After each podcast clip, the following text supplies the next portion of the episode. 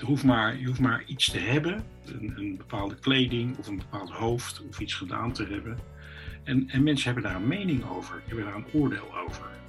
Maar de manier waarop we vervolgens daarmee omgaan en vooral hoe we kijken naar mensen en naar onszelf, dat is vind ik heel erg bepalend.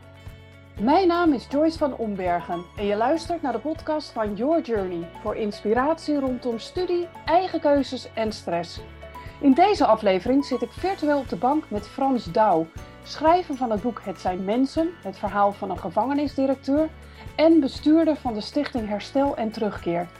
Frans leest aan het begin van deze aflevering een stukje voor uit zijn boek over een periode in zijn jeugd dat hij als jonge jongen in aanraking kwam met de politie. Vervolgens gaan we in gesprek over hoe hij als lastig jongetje, of zo gedroeg hij zich in ieder geval, uiteindelijk carrière maakte tot gevangenisdirecteur.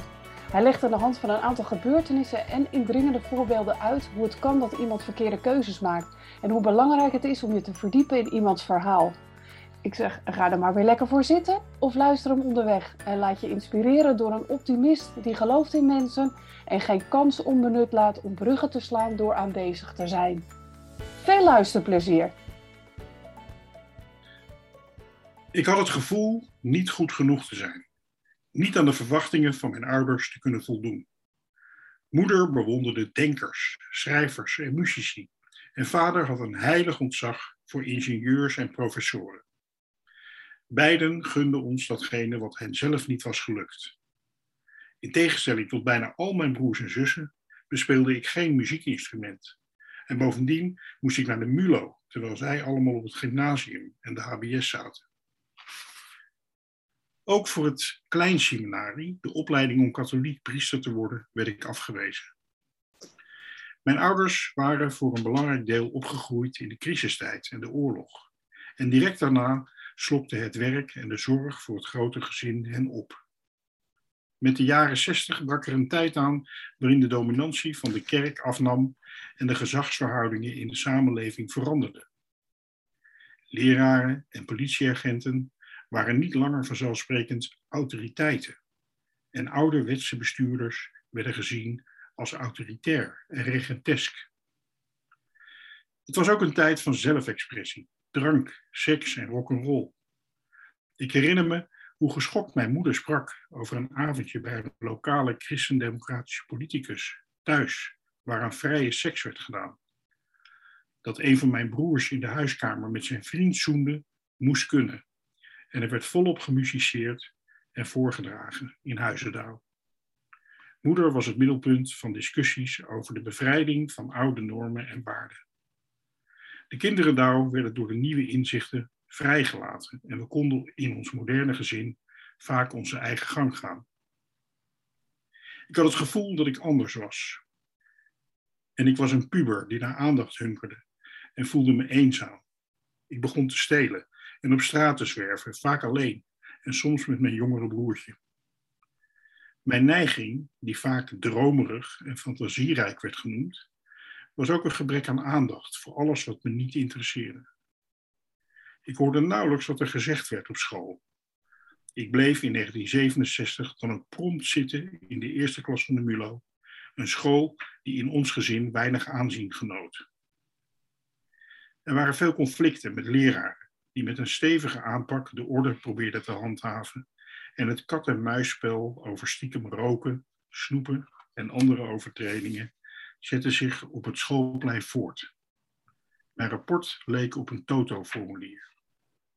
Enfin, ik besloot dat ik niet geschikt was voor school, maar ook niet in staat was om thuis aan de verwachtingen te voldoen. Op mijn veertiende werd ik opgepakt voor openbare dronkenschap en fietsendiefstal. Vuile fascisten, riep ik tegen de agenten. En die lieten dat in het Den Haag van 1969 niet over hun kant gaan. Ik kreeg klappen en verbleef in korte tijd twee keer in een politiecel, respectievelijk één nacht en twee nachten. Ik dronk bier, thuis of bij vrienden, en ging naar de kroeg of een feest. Daarna stal ik een fiets of belandde in een vechtpartij. En dus ook een paar keer in de cel. Ik herinner me van die eerste keer de twee boterhammen van strookkarton met plekjes, plakjes servelaatworst en de jongens die tijdens het luchten vertelden over schietpartijen en overvallen. Ik werd urenlang verhoord. De politie wilde de namen van degene met wie ik was, maar ik hield als loyale vriend mijn mond stijf dicht. Toen ik voor de tweede keer te gast was in een cel op het hoofdbureau, realiseerde ik me dat dit niet het leven was wat ik wilde. Dit nooit meer. Er kwam een regisseur vertellen dat ik naar huis mocht. Hij had stekeltjes en een boksersneus en keek me gedurende twee tellen indringend aan. Volgens mij kom jij hier niet meer terug. En daar had hij gelijk in. Dankjewel Frans. Luisteraars Frans Douw. Schrijver van het boek Het zijn mensen. Het verhaal van een gevangenisdirecteur.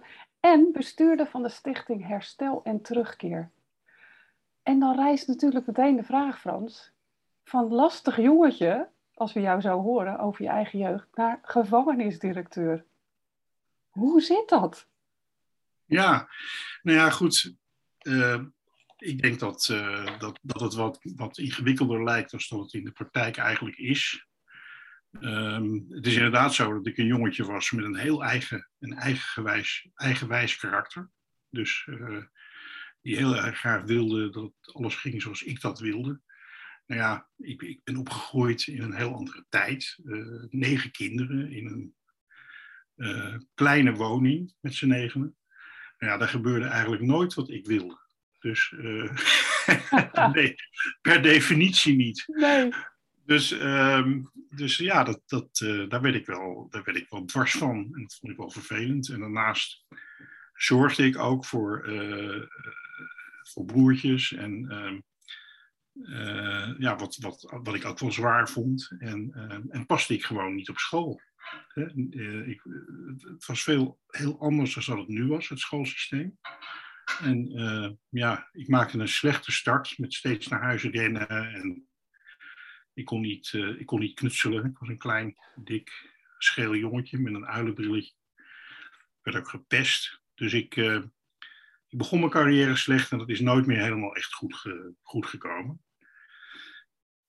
Aan de andere kant, ja, er zijn heel veel mensen die uh, op deze manier opgroeien en die zo'n karakter hebben en nou ja, die, die nog heel wat van hun leven maakten. En in mijn geval is het ook zo dat ik relatief jong, um, ja, toch uh, de dingen die ik zo in mijn opgroeien had meegemaakt een plek kon geven.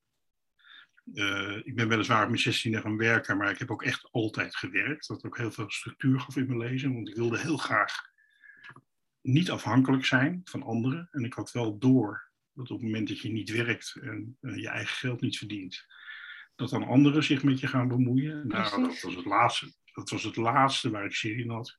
Ja. Dus ja, uh, een, mooie momenten zijn altijd momenten dat een ander talent in je ziet. Ja. En een, een heel mooi moment was dat, uh, ja, dat ik op 20-jarige leeftijd solliciteerde in een jeugdinrichting en dat de directeur het toen met me geprobeerd heeft, terwijl ik eigenlijk veel te jong was. Hij dacht van nou, dat is misschien binnen een week over, maar hè, want, uh, met twaalf jongens in de bossen, dan, dan moet je nogal stevig in je schoenen staan om dat uit te houden. Nogal? Uh, ja, ja, jongens die, de oudste waren twee jaar jonger dan ik, dus dat was wel bijzonder. Maar ik was behoorlijk streetwise. Die directeur wilde het wel proberen. Ja, ja dat, dat ging hartstikke goed. Dus, uh, uh, en zo van het een kwam eigenlijk het ander. Precies, en eindigde je uiteindelijk als uh, gevangenisdirecteur. Dus je zat ooit hè, als, als 14-jarig jongetje één keer een nachtje en twee keer een nachtje in, in de cel. En uiteindelijk liep jij aan de andere kant rond. En ja. ja, dan zullen er toch, denk ik, mensen luisteren en denken: hoe, hoe, hoe verloopt dat? De tijd was toen natuurlijk anders. Als we dat zouden vertalen naar nu. Ja, hoe, ja, hoe, belandt, hoe belandt een jongere, uh, ja, hoe, hoe, komt hij in aanraking überhaupt met politie, met de overheid, met, nou ja. Uh... Ja, wat, ik me, wat mijn gevoel is over de, over de tijd vroeger, was dat er, dat er meer speelruimte was voor jongeren. Um, er was meer, we waren heel veel buiten. De, de situatie in de stad liet dat ook toe dat er veel ruimte was met pleintjes en plekken waar we hingen, waar we samen stiekem dingen deden waar we rookten, waar we bootjes waarmee we de gracht over gingen en allemaal dat soort dingen. Dus we haalden van alles uit. Er was meer ruimte. Ouders waren heel erg bezig met werken vooral. Dus jeugd had een soort ruimte. Er waren geen iPads, er waren geen computers enzovoort enzovoort. Dus we waren veel zichtbaarder en veel meer buiten. Ja, ja dat voorbeeld van ehm, die, die aantekeningen die ik uh, gekregen heb toen ik uh, eh, 14 was, uh, dat is later nog eens gebeurd. Ja, tegenwoordig komt dat, wordt dat opgeschreven en krijg je nooit meer de kans om in een functie terecht te komen waar je extra gestreamd wordt, zoals bijvoorbeeld bij de politie of het gevangeniswezen. Ja, dan heb je dus in deze een, tijd achter je naam staan, hè? dan staat het echt letterlijk in het systeem vast en ja, weg. En tegenwoordig wordt dat gewoon bewaard en uh, blijft dat je achtervolgen. En dat is bijna niet te doen. Ik heb dat wel voor mensen geprobeerd. Het is bijna niet te doen om dat verwijderd te krijgen. Terwijl het natuurlijk op geen enkele manier, bijvoorbeeld in mijn geval, maar dat geldt natuurlijk voor heel veel gevallen, het, het heeft geen enkele relatie of relevantie meer met de persoon die iemand later is. Helemaal eens, ja. Ja, het hetzelfde als hè, dat kruisje achter je naam als het gaat om iets nou, van een delict. En uh, dat kan iets heel kleins zijn. Inderdaad, uh, ja. klein stelen kan al zorgen dat jij uh, een kruisje achter je naam krijgt. Ja. Ehm, dat geldt hetzelfde als een, een diagnose als, ik noem maar iets, ADHD. Ja. Volgens mij zijn daar best parallellen te trekken. Dat we tegenwoordig ehm, ja, meer willen kaderen, meer willen labelen en veel meer data natuurlijk ook. Nou, dat is ook, wel, dat is ook wel echt een ding. Als ik nu was opgegroeid, dan had ik waarschijnlijk allerlei labels op me gehad. Ja. En dan was, ik toch, uh, dan was ik toch anders geweest en dan had ik een bijzondere aanpak nodig gehad. En nu heb ik gewoon mijn eigen weg mogen zoeken. Ja. En overal zelf mijn oplossingen voor mogen vinden. Uh, ik denk dat dat, ja, daar kijk ik wel met, met plezier op terug. Dat dat, uh, dat dat zo gegaan is. En ja, wat ik, uh, wat ik zelf heel erg heb, als ik bijvoorbeeld in een, in een klas, ik kom regelmatig op smokscholen op dit moment. Ehm, en ehm, ja, als ik in zo'n klas zit, dan uh, een ander denkt van de, de, wanneer komt de ME, weet je wel? Want dat zijn, dat, is dat zijn Amsterdamse scholen met, met school drop-out. Sommige jongens hebben een enkelbandje, ze zijn nergens welkom, maar ze moeten blijven zitten tot hun achttiende op die school, mhm, weet je wel. Mhm. Ja. Uh, dus, dus, het gedrag wat ze laten zien, de buitenkant, hè, dat noem ik echt de buitenkant, dat is, uh, uh, dat is waar mensen op reageren. Van jeetje, wat is hier aan de hand? Ja, ik zie alleen maar jongens die talent hebben, die energie hebben, die iets willen, die, uh, nou ja, uh, die in feite ook gedrag hebben wat, als je een beetje weet waar ze vandaan komen en wat voor omstandigheden ze, ze opgroeien, ja, wat eigenlijk heel adequaat overlevingsgedrag is. Hè? Als ze zich zo niet zouden gedragen, dan, uh, ja, dan zouden ze misschien ten onder gaan. Ik bedoel, dus in die zin, ja, ik snap dat eigenlijk heel goed. En wat je, wat je merkt is dat als je geïnteresseerd bent, echt geïnteresseerd bent in het echte verhaal van mensen, uh, dat geldt niet alleen voor jongeren hoor, maar zeker ook voor jongeren. Überhaupt, ja. Dan uh, zal ik je vertellen, ja, dan, uh, dan kan je overal waar je ook bent uh, laten merken dat je een kind ziet. Ja. Dat hij erbij hoort, wat jou betreft. Hoef je helemaal geen hulpverlener te zijn of wat dan ook. Maar gewoon um, een benaderen, niet van hem wegstappen, niet om hem heen lopen. Uh, gewoon, hé, hey, ik zie jou. Ja. Nou, dat is op zich al, uh, goh, wat heb je... Je hebt nieuwe schoenen aan, hè?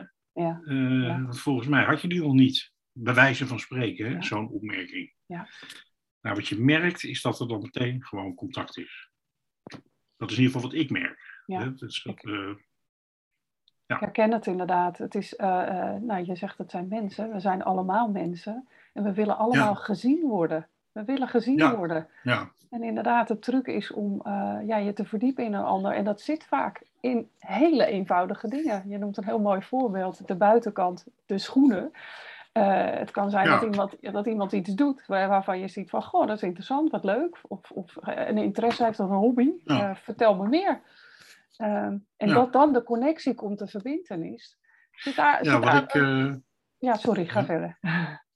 Nou ja, wat ik heel erg ehm, kijk, dat, dat, dat de wereld niet een soort paradijs is. Dat, dat weet ik wel. Hè. Uh, er is veel geweld en in gezinnen en veel onmacht. Uh, mensen lopen trauma's op. Um, het is ook zo dat, dat ja, het is ook een beetje afhankelijk van hoe je geboren bent. Je kunt in een geweldig gezin geboren worden. En je broer of je zus, die geeft nooit problemen en die gaat naar school en die uh, uh, bouwt een toekomst op. En jij hebt net die karaktereigenschappen dat je ja, net even te veel voor de hele familie zorgt, heel loyaal bent, een beetje de rol van zondebok krijgt, uh, heel veel energie hebt, waardoor je heel druk bent, misschien niet zoveel gevoel voor grenzen en voor zelfbehoud hebt, hè, wat gewoon in je persoonlijkheid zit. En dan, ja, dan kun je in diezelfde omgeving waar je broer en je zus in floreren, kan die omgeving het heel moeilijk vinden om met jou om te gaan. En dat kan op school dan ook gebeuren. En dan kan je in een soort spiraal terechtkomen. Ja. Waarbij ja, je toch iets gevoeliger bent, bijvoorbeeld voor zoiets als drugs bijvoorbeeld. Ja. Dus als die er dan bij komen, die drugs, ja, dan, dan kan er van alles gebeuren met je. Ja, ja eigenlijk ook weer als een soort van uh, kunnen dealen met de situatie. Je zegt ook, eh, de omgeving is super belangrijk. De een floreert en de ander helemaal niet. Uh, ja, en heb je dan, uh, kun je dat allemaal uit jezelf halen dat je daarvan wegblijft? Ik denk als je zo jong bent, dat dat natuurlijk best wel lastig is. Ja, ik denk dat, dat wat heel belangrijk is, is uh, daar zei ik in het begin al iets over toen het over mijn uh, uh, werk ging, mijn herstel noem ik dat er maar even. Um, kijk, het is heel belangrijk hoe wij naar elkaar kijken en hoe er naar jou gekeken wordt en hoe je naar anderen kijkt. Um, er hoeft maar, je hoeft maar iets te hebben, een, een, bepaalde kleding of een bepaald hoofd of iets gedaan te hebben. En, en mensen hebben daar een mening over, hebben daar een oordeel over. En voor mij is het feit dat, dat er nare dingen gebeuren, hoort bij het leven. dat is een beetje het lot hè, wat, eh, wat er is. Ja. Maar de manier waarop we vervolgens daarmee omgaan en vooral hoe we kijken naar mensen en naar onszelf. Hele dat belangrijke. Heel erg bepalend. Ja, vind ik heel bepalend. want het is natuurlijk zo dat ja, wat je nu vaak ziet, als een kind niet helemaal goed gaat, dan, uh, nou, dan krijgen de, de leraren krijgen er de balen van. Uh, ouders die, die willen dat kind liever niet over de vloer hebben thuis. Of dat, dat, dat hun kinderen bij zo'n kind langskomen. Op het moment dat er dat, dat hij dingen gaat doen, iets stuk maakt of, of andere dingen gaat doen, dan, uh, dan gaan, gaan helemaal alle muren omhoog. En als je dan ook nog delicten gaat plegen, ja. ja dan, dan, dan, dan is dat jongetje, wat eigenlijk gewoon uh, ons jongetje is. Hè? Hij mm gedraagt zich wel vervelend, maar het is wel onze buurman, het is onze medescholier, het is gewoon een, een, een, kind uit onze gemeenschap. Ons jongetje is ineens ons jongetje niet meer. Nee. En um, we kijken daar dan naar alsof die van een andere planeet komt, of die anders is als wij. Ja, ik kan je echt vertellen, ik heb. Uh, uh, uh, ik ga al nou, 46 jaar of zo om met, met mensen waar zo'n blik op is. En ik kan je echt verzekeren, het zijn echt mensen zoals jij en ik. Het is echt Precies. zo. Ja, wat bij mij ook naar boven komt is, uh, en ja, daar geloof ik zelf heel erg in, houdt dat jongetje, en we hebben het nu over een jongetje, maar het kan natuurlijk ook een meisje zijn. Het kan ook een meisje zijn. Ja, ja uh, houdt hij ons niet gewoon genadeloos ook een spiegel voor? Ja, zeker. Ja. Dat wat we zien, alles wat wij misschien in onszelf afkeuren, uh, ja, ja, dat laat die ander zien. En daar willen we van weg. Want dat is ongemakkelijk, dat is pijnlijk. Dat is uh, lastig. Kijk, als je, als je, als je eh, even in mijn taal over hoe ik naar criminaliteit kijk, wat is dat eigenlijk? Hè? Dat is eigenlijk dat mensen andere mensen pijn doen. Ja. Dat kan fysiek zijn, maar dat kan ook door, door spullen van je af te pakken of in te breken of whatever, te bedreigen. Um, waarom doen mensen andere pijn? Dat is omdat ze de confrontatie met hun eigen pijn niet aangaan. Mm Dus de, de pijn die je zelf hebt, daar ben je bang voor, dat duw je weg. Maar dat is natuurlijk helemaal niet weg. Die ga je dan afreageren op een ander. En meestal is dat iemand die part deel heeft gehad aan het ontstaan van jouw pijn. dus wat ook heel, wat heel belangrijk is, is dat uh, je op een gegeven moment echt die confrontatie met je eigen pijn aangaat, dat een plek geeft. En vervolgens uh, van daaruit om kan gaan met andere mensen. In het algemeen ook. Want ja, ik noem dat altijd de pijnhuishouding. Uh, Pijn wordt van de ene plek naar de andere doorgegeven voortdurend. Uh, ook door generaties heen. En het is natuurlijk de kunst om, um, om daar op een goede manier mee om te gaan. Ik had vandaag een, uh, een telefoongesprek, dat heb ik wekelijks met een bepaalde gedetineerde, die een hele lange gevangenisstraf uitzit. En die vertelde van een uh, hele uitzonderlijke bewaarder bij hem in de, in de gevangenis, die, um, uh, die niet vanuit zijn eigen pijn reageerde. Hmm. Ja, dus op het moment dat hij, want hij zit al 18 jaar of zo, um, op het moment dat hij kritiek had ergens over, tegen bewaarders, of hij vond het niet fijn, of weet ik veel wat, dan werd dat heel vaak werd dat, um, opgevat als kritiek, als iets wat niet uitkwam. En confronteerde die bewaarder met zijn eigen onmacht, met uh, dat hij niet mhm. lekker opgestaan was, dat het uh, zijn huwelijk niet zo lekker liep. Wat weer terugsloeg op die uh, gedetineerde. Hij had nu een begeleidster die heel goed kon luisteren naar wat hij te zeggen had. Dat gewoon bij hem liet. Mm het zich niet persoonlijk aantrok, maar gewoon met hem samen ging kijken hoe, hoe ze daarmee om zouden kunnen gaan. En dat is eigenlijk een, uh, ja, dat zijn hele fijne mensen die dus uh, hun eigen pijn een plek hebben kunnen geven. Ja. Daar ook de verantwoordelijkheid voor nemen. Dat is mijn pijn. En zich ook niet daarin laten raken door iemand die zijn eigen pijn vertelt. Ja, mooi. Wat eigenlijk, ja. Ja, ja, en jij zegt, uh, ja, dat is een prachtig verhaal. En uh, ja, ik denk dat het uh, eigenlijk, dat is eigenlijk de ideale situatie waarin iemand de ander feedback kan geven of kritiek. als de ander daar zo open naar kan luisteren. En jij geeft aan de pijn heeft verwerkt, of wellicht zelfs parkeert. Gewoon even zijn eigen of haar eigen pijn aan de kant kan zetten. Van hé, hey, maar ik ben nu hè, er voor jou. Werkt dat zo, denk je? Ja, ja. Het, het werkt zo. Het is wel een soort op een gegeven moment een soort besluit is het. Dat je zo met mensen om wil gaan, volgens mij. Dat je, dat je zegt van nou, ik ga gewoon luisteren. En ik ga me zo opstellen. Ik ga niet voortdurend met mezelf uh, komen. Um, en het is ook wel een keuze om. Uh, want dat is namelijk een keuze die ik bijvoorbeeld al heel lang geleden gemaakt heb. En die me heel veel heeft opgeleverd.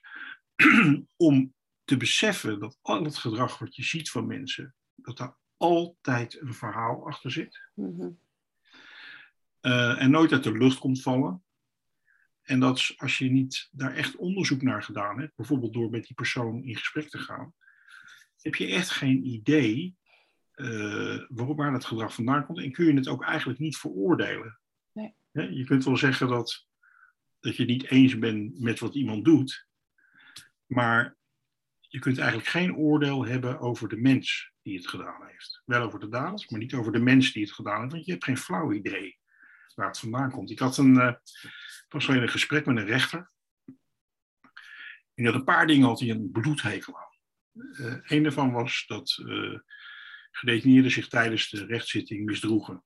En van alles gingen roepen en dit en dat. Nou, daar was hij gauw klaar mee. Dus, en dat betekende ook meteen een veel langere straf. Een hmm. ander was uh, verdachten die uh, als het bewijs zich opstapelde op allerlei manieren, maar steeds bleven ontkennen. Wat irritant. Zelfs DNA-bewijs, alles, iedereen heeft het gezien en jij blijft maar ontkennen. Heel irritant. Nou, in sommige gevallen kan dat een half jaar of een jaar extra straf opleveren. Um, en een ander is uh, gewoon uh, uh, je alleen maar beroepen op je zwijgrecht. Dan wordt het ook een soort muur. Nou, en, uh, dat is, of, nou, en, en ook gewoon niet komen op de zitting. Dat is ook zo'n irritant ding. Mm-hmm. Ik heb toen uh, een, een, uur besteed om, um, een hele aardige man overigens, uh, een uur besteed met vanuit mijn achtergrond en mijn netwerken en ervaringen uitleggen waarom mensen zich zo gedragen. Waarom, waarom eh, zeg je niks? Waarom beken je niks? als ik er nou eentje neem, als jij altijd ten onder bent gegaan in situaties waarin je verbaal iets moest vertellen. Hè? Van meneer de brug is over. Hè? Bijvoorbeeld. Daarom ben ik te laat. daarom ben ik te laat. Uh, en, dan, en dan meneer die meteen zegt van... ehm, ja, maar ik weet waar jij woont. En onderweg zijn er helemaal geen bruggen. Ja. Weet je wel? Ik noem maar iets. Uh, die verbaal altijd ten onder zijn gegaan en gewoon weten van ik moet mijn mond houden. Want als ik twee zinnen zeg, dan zit ik in de problemen. Of mensen die bekennen en dan, um, als zij een stukje zouden bekennen, dan beschuldigen ze meteen anderen. Want als jij dat gedaan hebt, dan zijn anderen, en dan kom je ook, dan is dat dus niet veilig, dan kom je in probleem. Precies, en een loyaliteitsconflict. Ja. ja. En um, uh, mensen komen niet te zitting. Ja, dat kan ik me wel voorstellen, want er is, er is een weinig uh, onveiliger omgeving als een rechtszitting. Snap je? Ja, en als ja. je helemaal alleen maar de ervaring hebt vanuit een eigen onveilig opgroeien bijvoorbeeld, en eigen ervaringen, dat dat voor jou alleen maar heel veel pijn betekent en heel veel ellende. Ja, als je dan de kans hebt om thuis te op. blijven. Dan nee, kies je nee. daarvoor. Ja. Precies.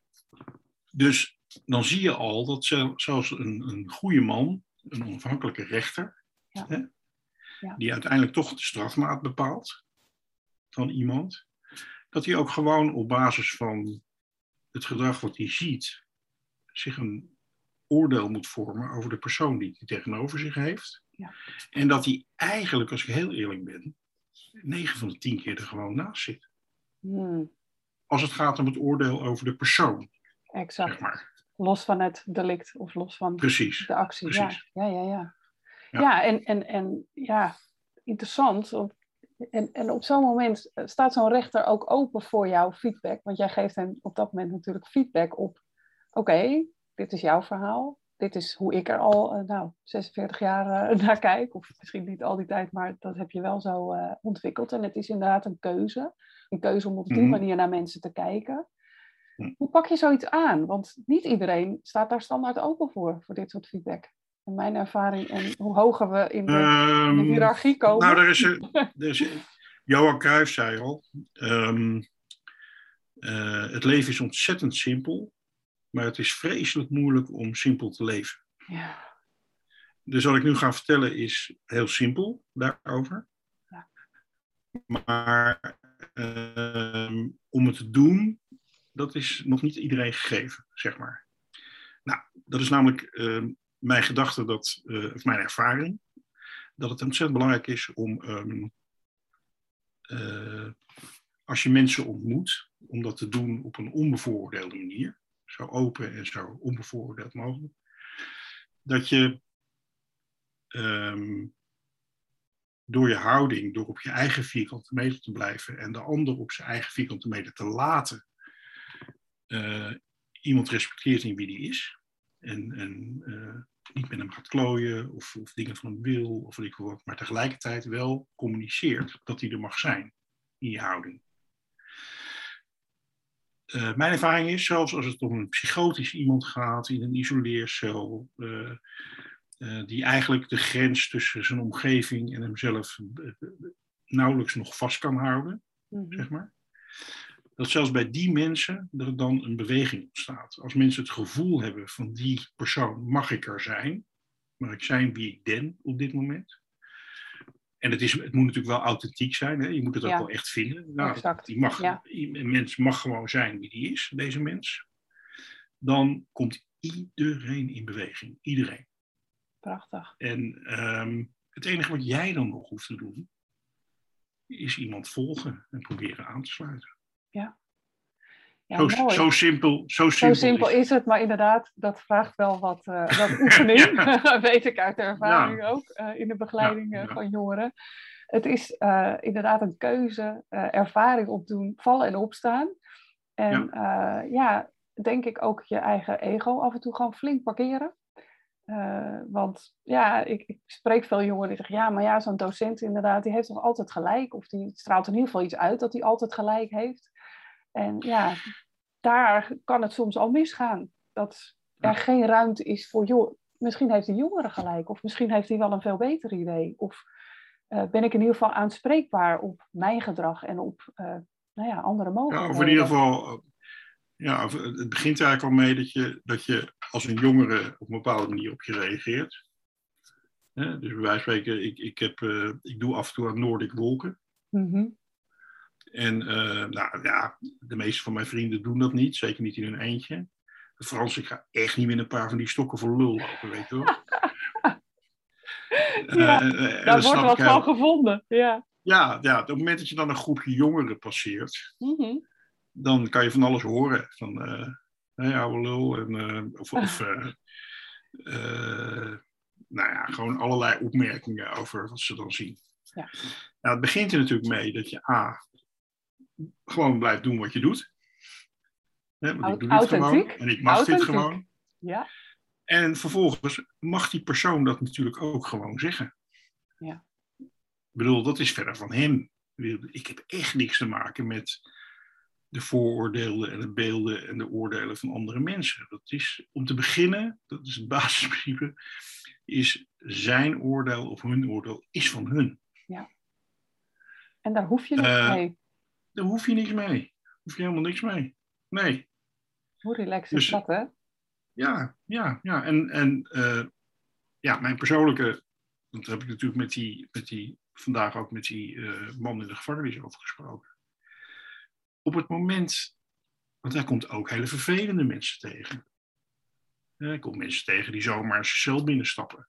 Uh, zonder even te kloppen. Of mm -hmm. komt mensen tegen die met het medicijnen uitdelen uh, zijn medicatie over de afdeling roepen. Hè, dat alle andere gedetineerden weten wat hij gebruikt. En allemaal dat soort kleine, die noemt kleine dingen. Die, die ja, die, heel voorkomen. groot kunnen voelen. Ja, ja. Ja, ja. Um, ja. Dat het zo belangrijk is dat hij dat bij hun laat. En dat, en dat het niks met hem te maken heeft. Zeg maar. Ja. En dat als je daar wat mee wil, dat het dan verstandig is maar dat is dan, daar ben ik een beetje in aan het, uh, zijn we een beetje in aan het sparren. Dat het belangrijk is dat, uh, dat hij alleen iets zegt over zichzelf. Hè? Dus, dus, dus uh, ik zelf vind het heel, altijd heel naar als de hele afdeling weet wat voor medicatie ik gebruik. En dan niet meteen erbij dat er wat aan moet gebeuren. Ja. En zeker niet wat er dan aan moet gebeuren. En ook niet dat je het heel slecht vindt van nee. nee. Maar gewoon aangeven dat jij het zelf heel vervelend vindt. Punt. Punt. En als je op die manier. En op die manier uh, communiceren is heel lastig, want mensen zijn ook gewoon heel boos en gefrustreerd. En mensen hebben ook trauma's en rotervaringen. Dus uh, wat ik ook altijd zeg, hè, tegenwoordig is er een hele lobby in Nederland, ook in de politiek, van dat alle criminelen moeten eerst maar eens zeggen dat het ze spijt. Hmm. Um, dan vertel ik altijd van ja, hoe kan je nou zeggen dat het je spijt als je niet eens um, uh, geleerd hebt om jezelf te onschuldigen en zelf uh, je eigen pijn en de onrecht wat jou is aangedaan, om dat een plek te geven. Hoe kan je dan hoe kan je dan, hoe, waar vind je dan de mogelijkheid om andere mensen te, te, te vergeven of, of uh, excuses aan te bieden of weet ik veel wat? Ja, dat is een brug, dus, dat is een brug te ver. Dat is gewoon echt te ver. Dat is echt te ver. Dat is allemaal extra straf, allemaal extra veroordeling en druk. Van jij moet dit, jij moet dat. Nee, zo'n kind heeft uh, uh, ja, over de streep, hè, hebben we in, in Nederland. Maar ja, programma. Uh, het is een heel mooi programma en het is heel mooi uitgebeeld. En wat mensen zich misschien niet voldoende realiseren, uh, omdat het zich allemaal. Uh, iedereen is met zichzelf bezig en het speelt zich allemaal in huizen af waar je misschien zelf niet komt. Ehm, wat kinderen, gemiddelde, gewoon een gemiddelde groep kinderen op een hele gewone school, hè, niet op een smokschool, maar gewoon op een gewone school in een redelijk wel, welvarende buurt, wat die al allemaal meegemaakt hebben. Ja. Dat is echt niet te geloven. Ja, en dat programma geeft het natuurlijk heel visueel aan. Hè? Sta, sta, ja, sta, ja. Uh, sta, op of uh, stap over de. Zet een stap als. En dan komt er een, uh, een voorbeeld. En ja, dan pas zien jongeren onderling van. Oh, wow, oké, maar dat wist Ja. ik niet. En ja, dat is Ja. natuurlijk een, een eerste stap naar eh, elkaar beter begrijpen en misschien minder snel oordeel Ja. hebben. Dus ja, ik, ik En, denk eh, dat dat een heel mooi advies is al aan jongeren. Ehm, ja, probeer inderdaad je te verdiepen in het verhaal van de ander. En Ja. eh, stil te staan bij het feit dat jouw wiegje misschien op een hele fijne, veilige plek heeft gestaan. Hè, vooral die veilige. Ja. Eh, maar dat dat niet standaard betekent dat degene die naast je woont of naast je in de klas zit, dat daar hetzelfde voor geldt. Dat, maar ik denk dat ook heel veel jongeren ja, zich mogen realiseren dat ze er mogen zijn.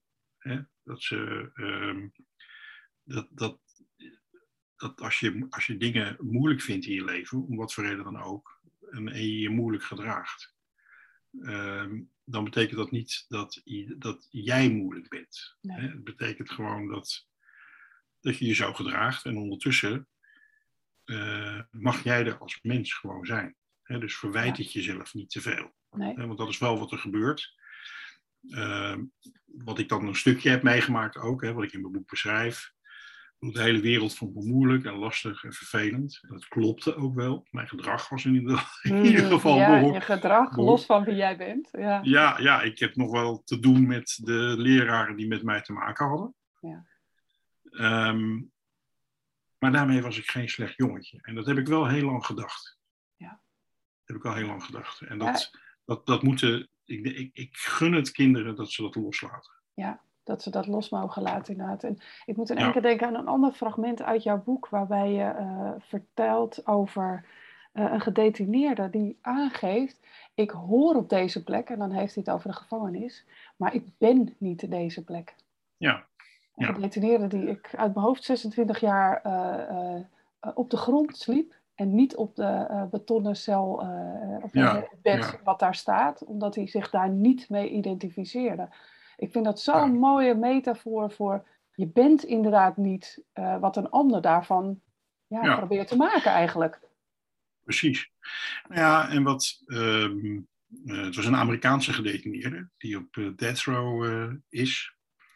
Dus de dodengang. Hij is ter Ja. dood veroordeeld. En Mhm. Hij zat overigens al 44 jaar op dat moment. Ehm, hij, heeft mij een hele wijze les geleerd. Want hij is in een heel gewelddadige milieu is opgegroeid. In een hele gewelddadige wijk ook en dat soort dingen. Eh, een hele donkere plek eigenlijk. En ehm, die man heeft dus, ja, dat heb je als je zo lang binnen zit. Woedend zijn in een Amerikaanse gevangenis is levensgevaarlijk. Eh, zoals woedend zijn in Nederland ook al niet veilig is. Nee. Als je woedend bent, dan krijg je problemen met iedereen. Ja. In Amerika kan je je niet permitteren, want dan word je gewoon neergestoken. Maar je kan woede niet uitzetten. Je kan niet zeggen van, ik ga me netjes gedragen en dan is die woede er niet meer. Nee. Dat is niet zo. Dus je zal echt je iets aan die woede met die moeten woede doen. doen. Ja.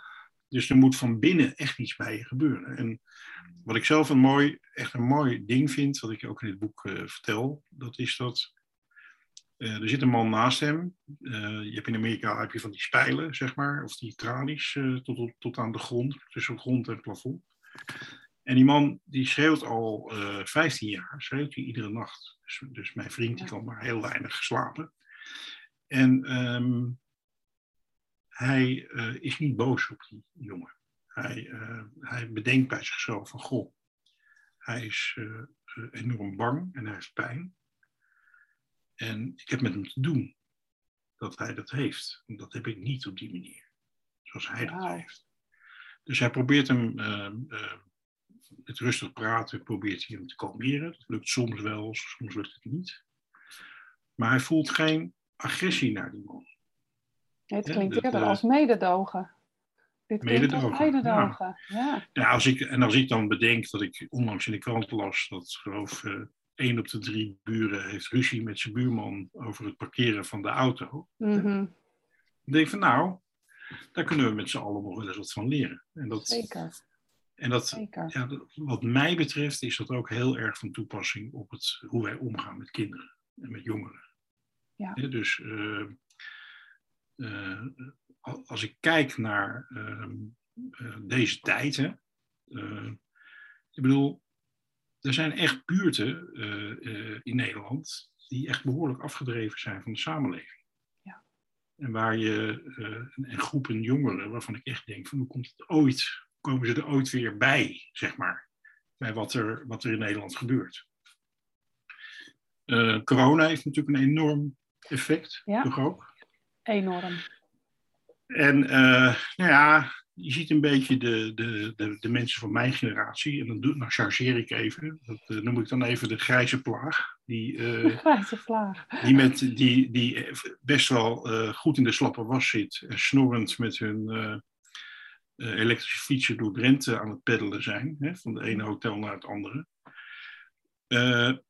dat is wel de generatie die ehm, heel individualistisch is geweest en, en geworden. Die, ja, die die heel, veel, heel het milieu ook, ook behoorlijk heeft belast. En ook de toekomst van deze jongeren. En eigenlijk nu bezig zijn om heel veel ruimte in te nemen. Wat op zich niet erg is, want we hebben nou eenmaal veel grijze mensen. Maar zich ook wel wel eens zouden moeten realiseren van, goh, als ik nou 15 ben en ik kijk naar uh, de planeet en ik kijk naar uh, hoe, zich, hoe zaken zich ontwikkelen, politiek, sociaal, internationaal. Ja. Nou, Ehm, dan, ehm, dan, dan denk ik dat we, dat we nog, uh, nog wel een taak te verrichten hebben. Ja, en daar ben je nog steeds onderdeel uh, van, onderdeel van de, de grijze plaag of niet? Daar heb jij ook nog een verantwoording in te nemen. Ja, ja zeker, eens, zeker, zeker. Ja. zeker. Ja, ik, ik, ben het helemaal eens, Frans. En ja, jongeren die zijn onze toekomst, zo kijk ik er echt naar. En uh, ja, wat, wat kunnen wij daaraan doen als hè, de, de oudere generatie? Wat voor rolmodellen zijn wij? Uh, hoe serieus nemen we ze? Uh, we, natuurlijk moeten we ze ook aanspreken op hun eigen verantwoordelijkheid. Maar ja, daarnaast is er ook een heel stuk, um, ook van ons, denk ik, mededogen naar de jongeren. Wij mochten ook die rottigheid uithalen. Inderdaad, ontdekken wie we zelf zijn. En ja. ja, die ruimte is er nu echt een stuk minder. Ja, en ik denk ook dat, uh, je ja, ik vond dat wel uh, mooi wat je zei. Uh, je had het even over ego. Hè? Dat is mm. ego wel wat minder. ja, daar ben ik het heel erg mee eens. In die zin dat ik denk dat als je, zeker op mijn leeftijd, ik ben 66, maar um, ik denk dat al veel eerder, bij mij is het al bij mensen gebeurt het al veel eerder. Ik bedoel, rond je veertigste weet je ongeveer wel waar je maatschappelijk staat. En dan ja. de, meeste, de meeste mensen.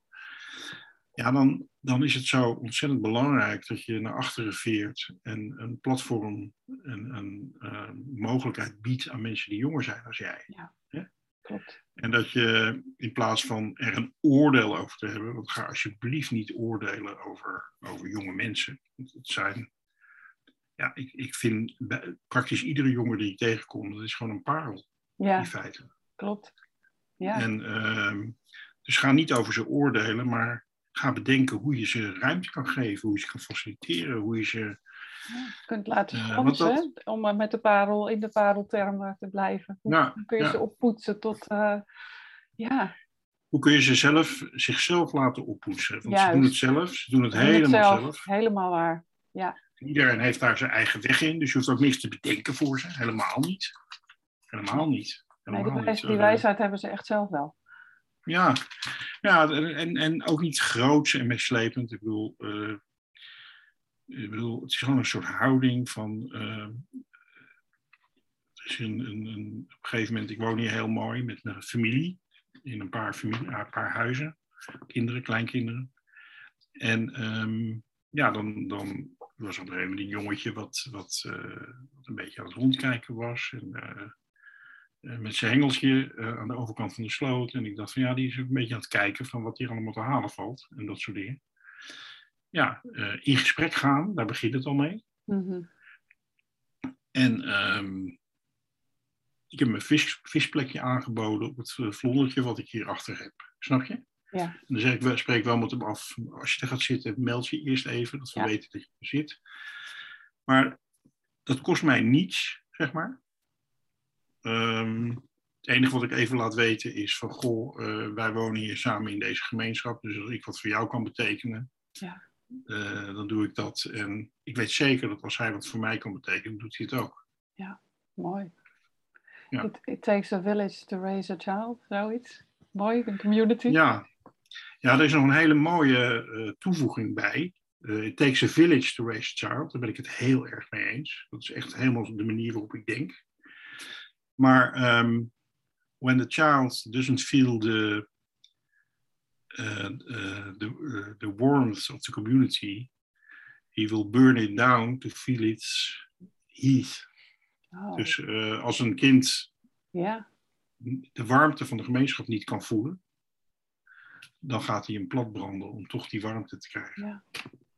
Ja, en ja, negatieve aandacht is ook aandacht, zoiets. Ja, en je moet wat. Het, zijn, het is allemaal energie. Kinderen die, die Mm. zitten vol energie. En eh, willen van alles, willen actie, willen, willen dingen doen. Eh, het is zo belangrijk dat kinderen eh, dingen mogen maken. Weet je wel? Dat ze, dat, ze, dat ze iets mogen creëren, iets mogen timmeren, hutten, eh, kunst, eh, ideeën die ze hebben, dat ze die uit mogen voeren. Ja, en niet bijvoorbeeld eh, afgebrand worden als dat is geen goed idee of daar is geen ruimte voor. Nee. Ja, dat, Eens. dat is, Ja. En dat is heel lastig als je met, ik, ik kom wel eens bij die gezinnen, en, maar de hele dag de televisie Hmm. aanstaat, keihard. Dus je kan niet praten. Waar je met, eh, met, met negen kinderen in, een, eh, in twee kamers eh, zit, of drie kamers. Waar twee grote honden rondlopen. dus waar je meteen hup naar buiten moet om überhaupt iets te kunnen doen. Ja. Dan kom je buiten, nou, drukke verkeer en een klein stukje stoep. En eigenlijk een soort tolerantie in de buurt van ongeveer nul. Ja. Hè? Ja. Want je moet je. ja, dat, dat, dat is geen ruimte. Dat is geen ruimte. En, dat is, en je hebt, wil- je gewoon iets, jezelf als mens kunnen ontwikkelen, dan moet je ruimte hebben. Ruimte om fouten te maken. Ruimte om je af en toe heel kloterig te gedragen. Te experimenteren met gedrag. eh, weer op te krabbelen. En dan heb je eigenlijk een community nodig Mhm. Die zegt van, nou, het is niet leuk wat je gedaan hebt, of eh, jammer dat het niet gelukt is, maar kom op, je kunt het. Precies. Want je hoort bij ons en eh, eh, je, je leert er wat van en je kunt weer verder. Ja, mooi. Dat. Mooi, Frans. Als er nu, als er nu jongeren ehm, ja, daar meer over willen weten of denken, ja, wat kan ik nou betekenen in mijn buurt? Ja, Wat zou je ze dan aanraden? nou, in, mijn, in je, mijn kleine cirkel van invloed, om maar weer even een term eh, te noemen. Wat, wat, wat, kun, wat zou je zeggen? Ja, wat, wat, ehm, eh, er zijn een aantal mooie initiatieven die, eh, die gedaan worden. Ehm, eh, dat is vooral in de grote steden heb je, heb je wel projecten van jongeren die iets voor de buurt kunnen betekenen. Leiderschapscursussen voor jongeren bijvoorbeeld worden er gegeven. Dat is in Amsterdam en in Rotterdam, vooral in de grote steden is dat. Mhm. Maar wat ook wel een hele leuke is, is om gewoon met een clubje jongeren gewoon daar eens over na te denken. Wat zou ik, eh, wat zou ik kunnen zelf, wat zouden wij kunnen betekenen in de buurt? En dat kan variëren van muziek maken tot, eh, ja, als je toevallig fanatieke voetballers bent, iets betekenen voor kleine voetballertjes eh, te begeleiden of in clubverband iets te betekenen. Eh, dat soort dingen. Ja, Waarbij, je, waarbij het vooral ontzettend belangrijk is dat je op zoek gaat van naar je eigen talent, je eigen passie, wat jij leuk vindt om te doen. precies. En, eh, en dan een weg gaat zoeken, liefst met anderen, hoe je dat, kunt, hoe je dat met elkaar kunt realiseren. Ik, eh, ik spreek heel veel jongens die eh, bijvoorbeeld best wel heel moeilijk zijn opgegroeid. Met, met, in een onveilige omgeving en al heel jong van school en, en, en, en in jeugdgevangenissen en zo. Die bijvoorbeeld de muziek gevonden hebben. Ja. Die, eh, dat is ook heel krachtig. En dan, en dan gewoon hun, hun, ehm, eh, hun verhaal vertellen met Ja. muziek. Ja, En uit, dat- echt een uitlaatklep hebben gevonden om ja, eigenlijk Ja. die energie ook weer, waar je het eh, over had, maar dat herkennen we wel, ehm, om die te transformeren, om daar iets, mee, iets positiefs mee te doen. Ja, dat gebeurt best wel veel. Ik heb in begin december maak ik een podcast met een jongen. ook eh, zo iemand. En ja, zo mooi en zo krachtige muziek maakt hij.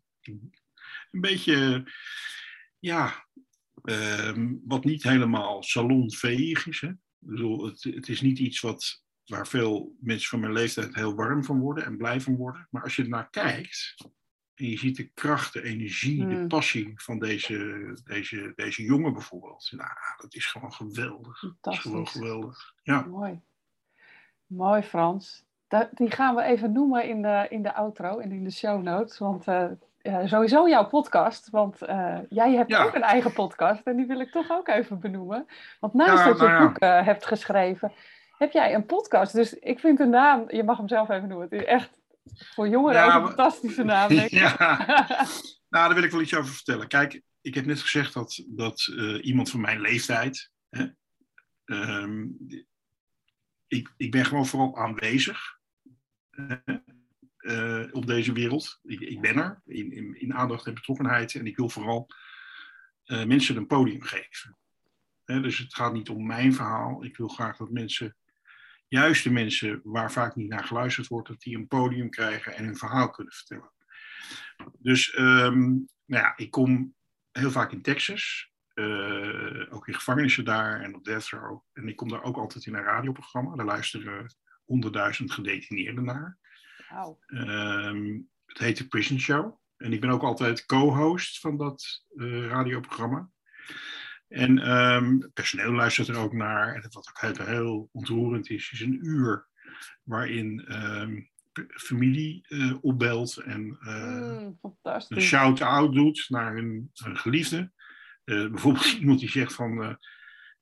hey Carl, in de Polanski unit, this is for you. En dan een enorm stuk op de trompet begint te toeteren, weet je wel, dat soort dingen. Geweldig.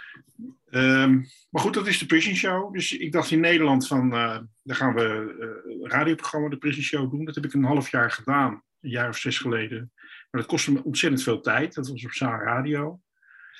Toen dacht ik van ja, eh, ik wil ook nog allerlei andere dingen doen. En, eh, en toen kwamen ze een paar jaar geleden van eh, die jongens waarmee ik dat gemaakt had van, we kunnen ook een podcast gaan maken. Prison Show. Ja. Want dat is veel makkelijker, dan kan je veel beter plannen en allemaal dat soort dingen. Dus eh, sindsdien heb ik een podcast. En het is, je kunt daar naartoe door naar, naar www.herstelterugkeer.nl te gaan. We hebben er inmiddels een stuk of 120 gemaakt. En het is eigenlijk wel zo, eh, ik heb heel veel, ik heb jongeren geïnterviewd. Ik heb eh, mensen die met jongeren werken geïnterviewd in de buurten. Mensen die in de wijken werken. eh, ex-gedetineerden, maar ook nabestaanden en, en Ja. slachtoffers van geweld. En, dus ik heb ontzettend criminologen en ga zo maar door. Dus het is eigenlijk een soort heel groot archief van mensen die, eh, die hun verhaal vertellen en, en die ook allemaal te benaderen zijn, zeg maar. Prachtig. Eh, we zijn ook bezig, stapje voor stapje, steeds meer mensen zich te laten voorstellen, ook op die site, herstelterugkeer.nl. Ja. Die dan zeggen van nou, eh, ik ben die en eh, ik, eh, ehm, eh, dit is wat ik nodig heb en dit is wat ik te bieden heb. Nou, daar zitten ook gewoon rappers bij en, en, en, en mensen die ook echt iets kunnen, kunnen betekenen voor, voor jongeren. Ja, en wat, ik heb die stichting toen opgericht met iemand die, met Toon Walravens, die zelf ook heel lang in de gevangenis heeft gezeten. En Toon en ik zijn eigenlijk, ehm, eh, als je de stichting, als je, als je een, mailtje stuurt of wat dan ook, reageren we altijd binnen een dag. En ehm, wij zijn geen hulpverleningsinstantie, maar we kunnen je wel een zetje geven. We kunnen wel even eh, vanuit onze grote netwerk, kunnen we wel tegen je zeggen van joh, bel die eens. Of eh, ik eh, leg even een contactje voor je. Of eh, je moet daar even gaan zoeken. Fantastisch. Dus eh, dat is wat Ja. wij doen.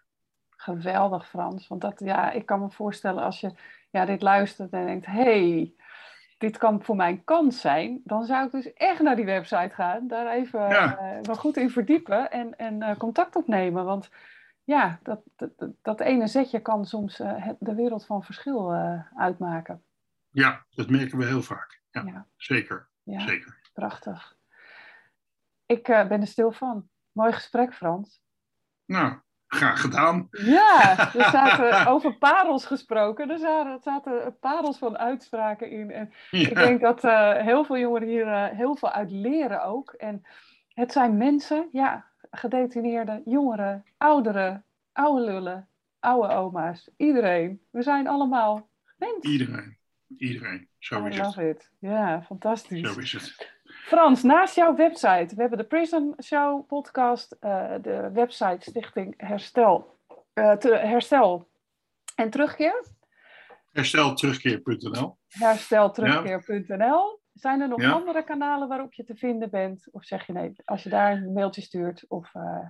Ik ben best wel op een. Uh, ik doe heel veel verschillende dingen op allerlei plekken. Wat, wat een interessant project is, ook voor jongeren om kennis van te nemen, is. Uh, en waar ik ook onderdeel van ben aan meedoe, dat is Future Me. Maar ja, de, degene die daar de projectleider is van is Sun Jung.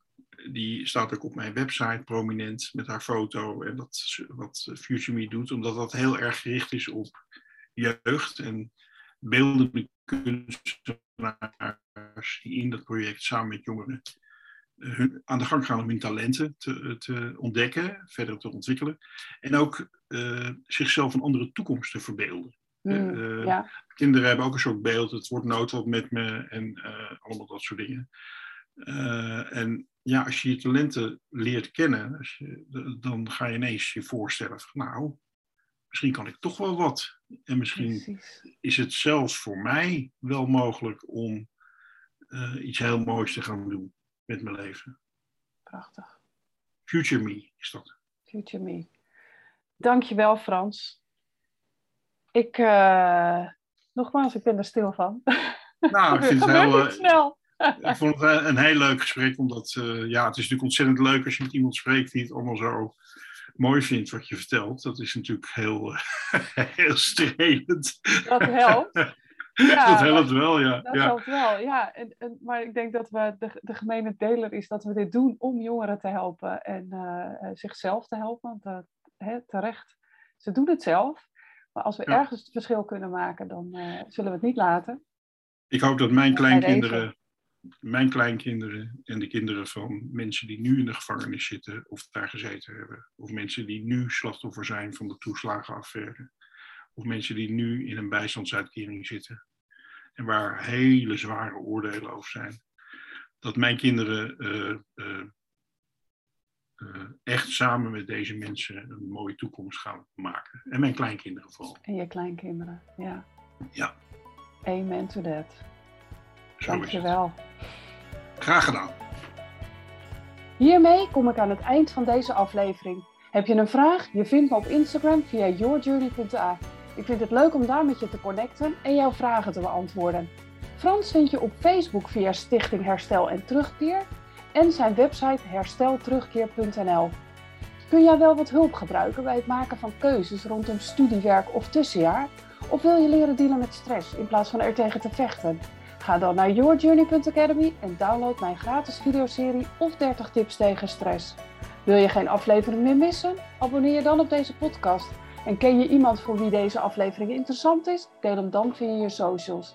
Een eerlijke review ontvang ik graag via Apple Podcast. Hiermee help je mij om nog meer jongeren te bereiken. Bedankt voor het luisteren en tot de volgende keer.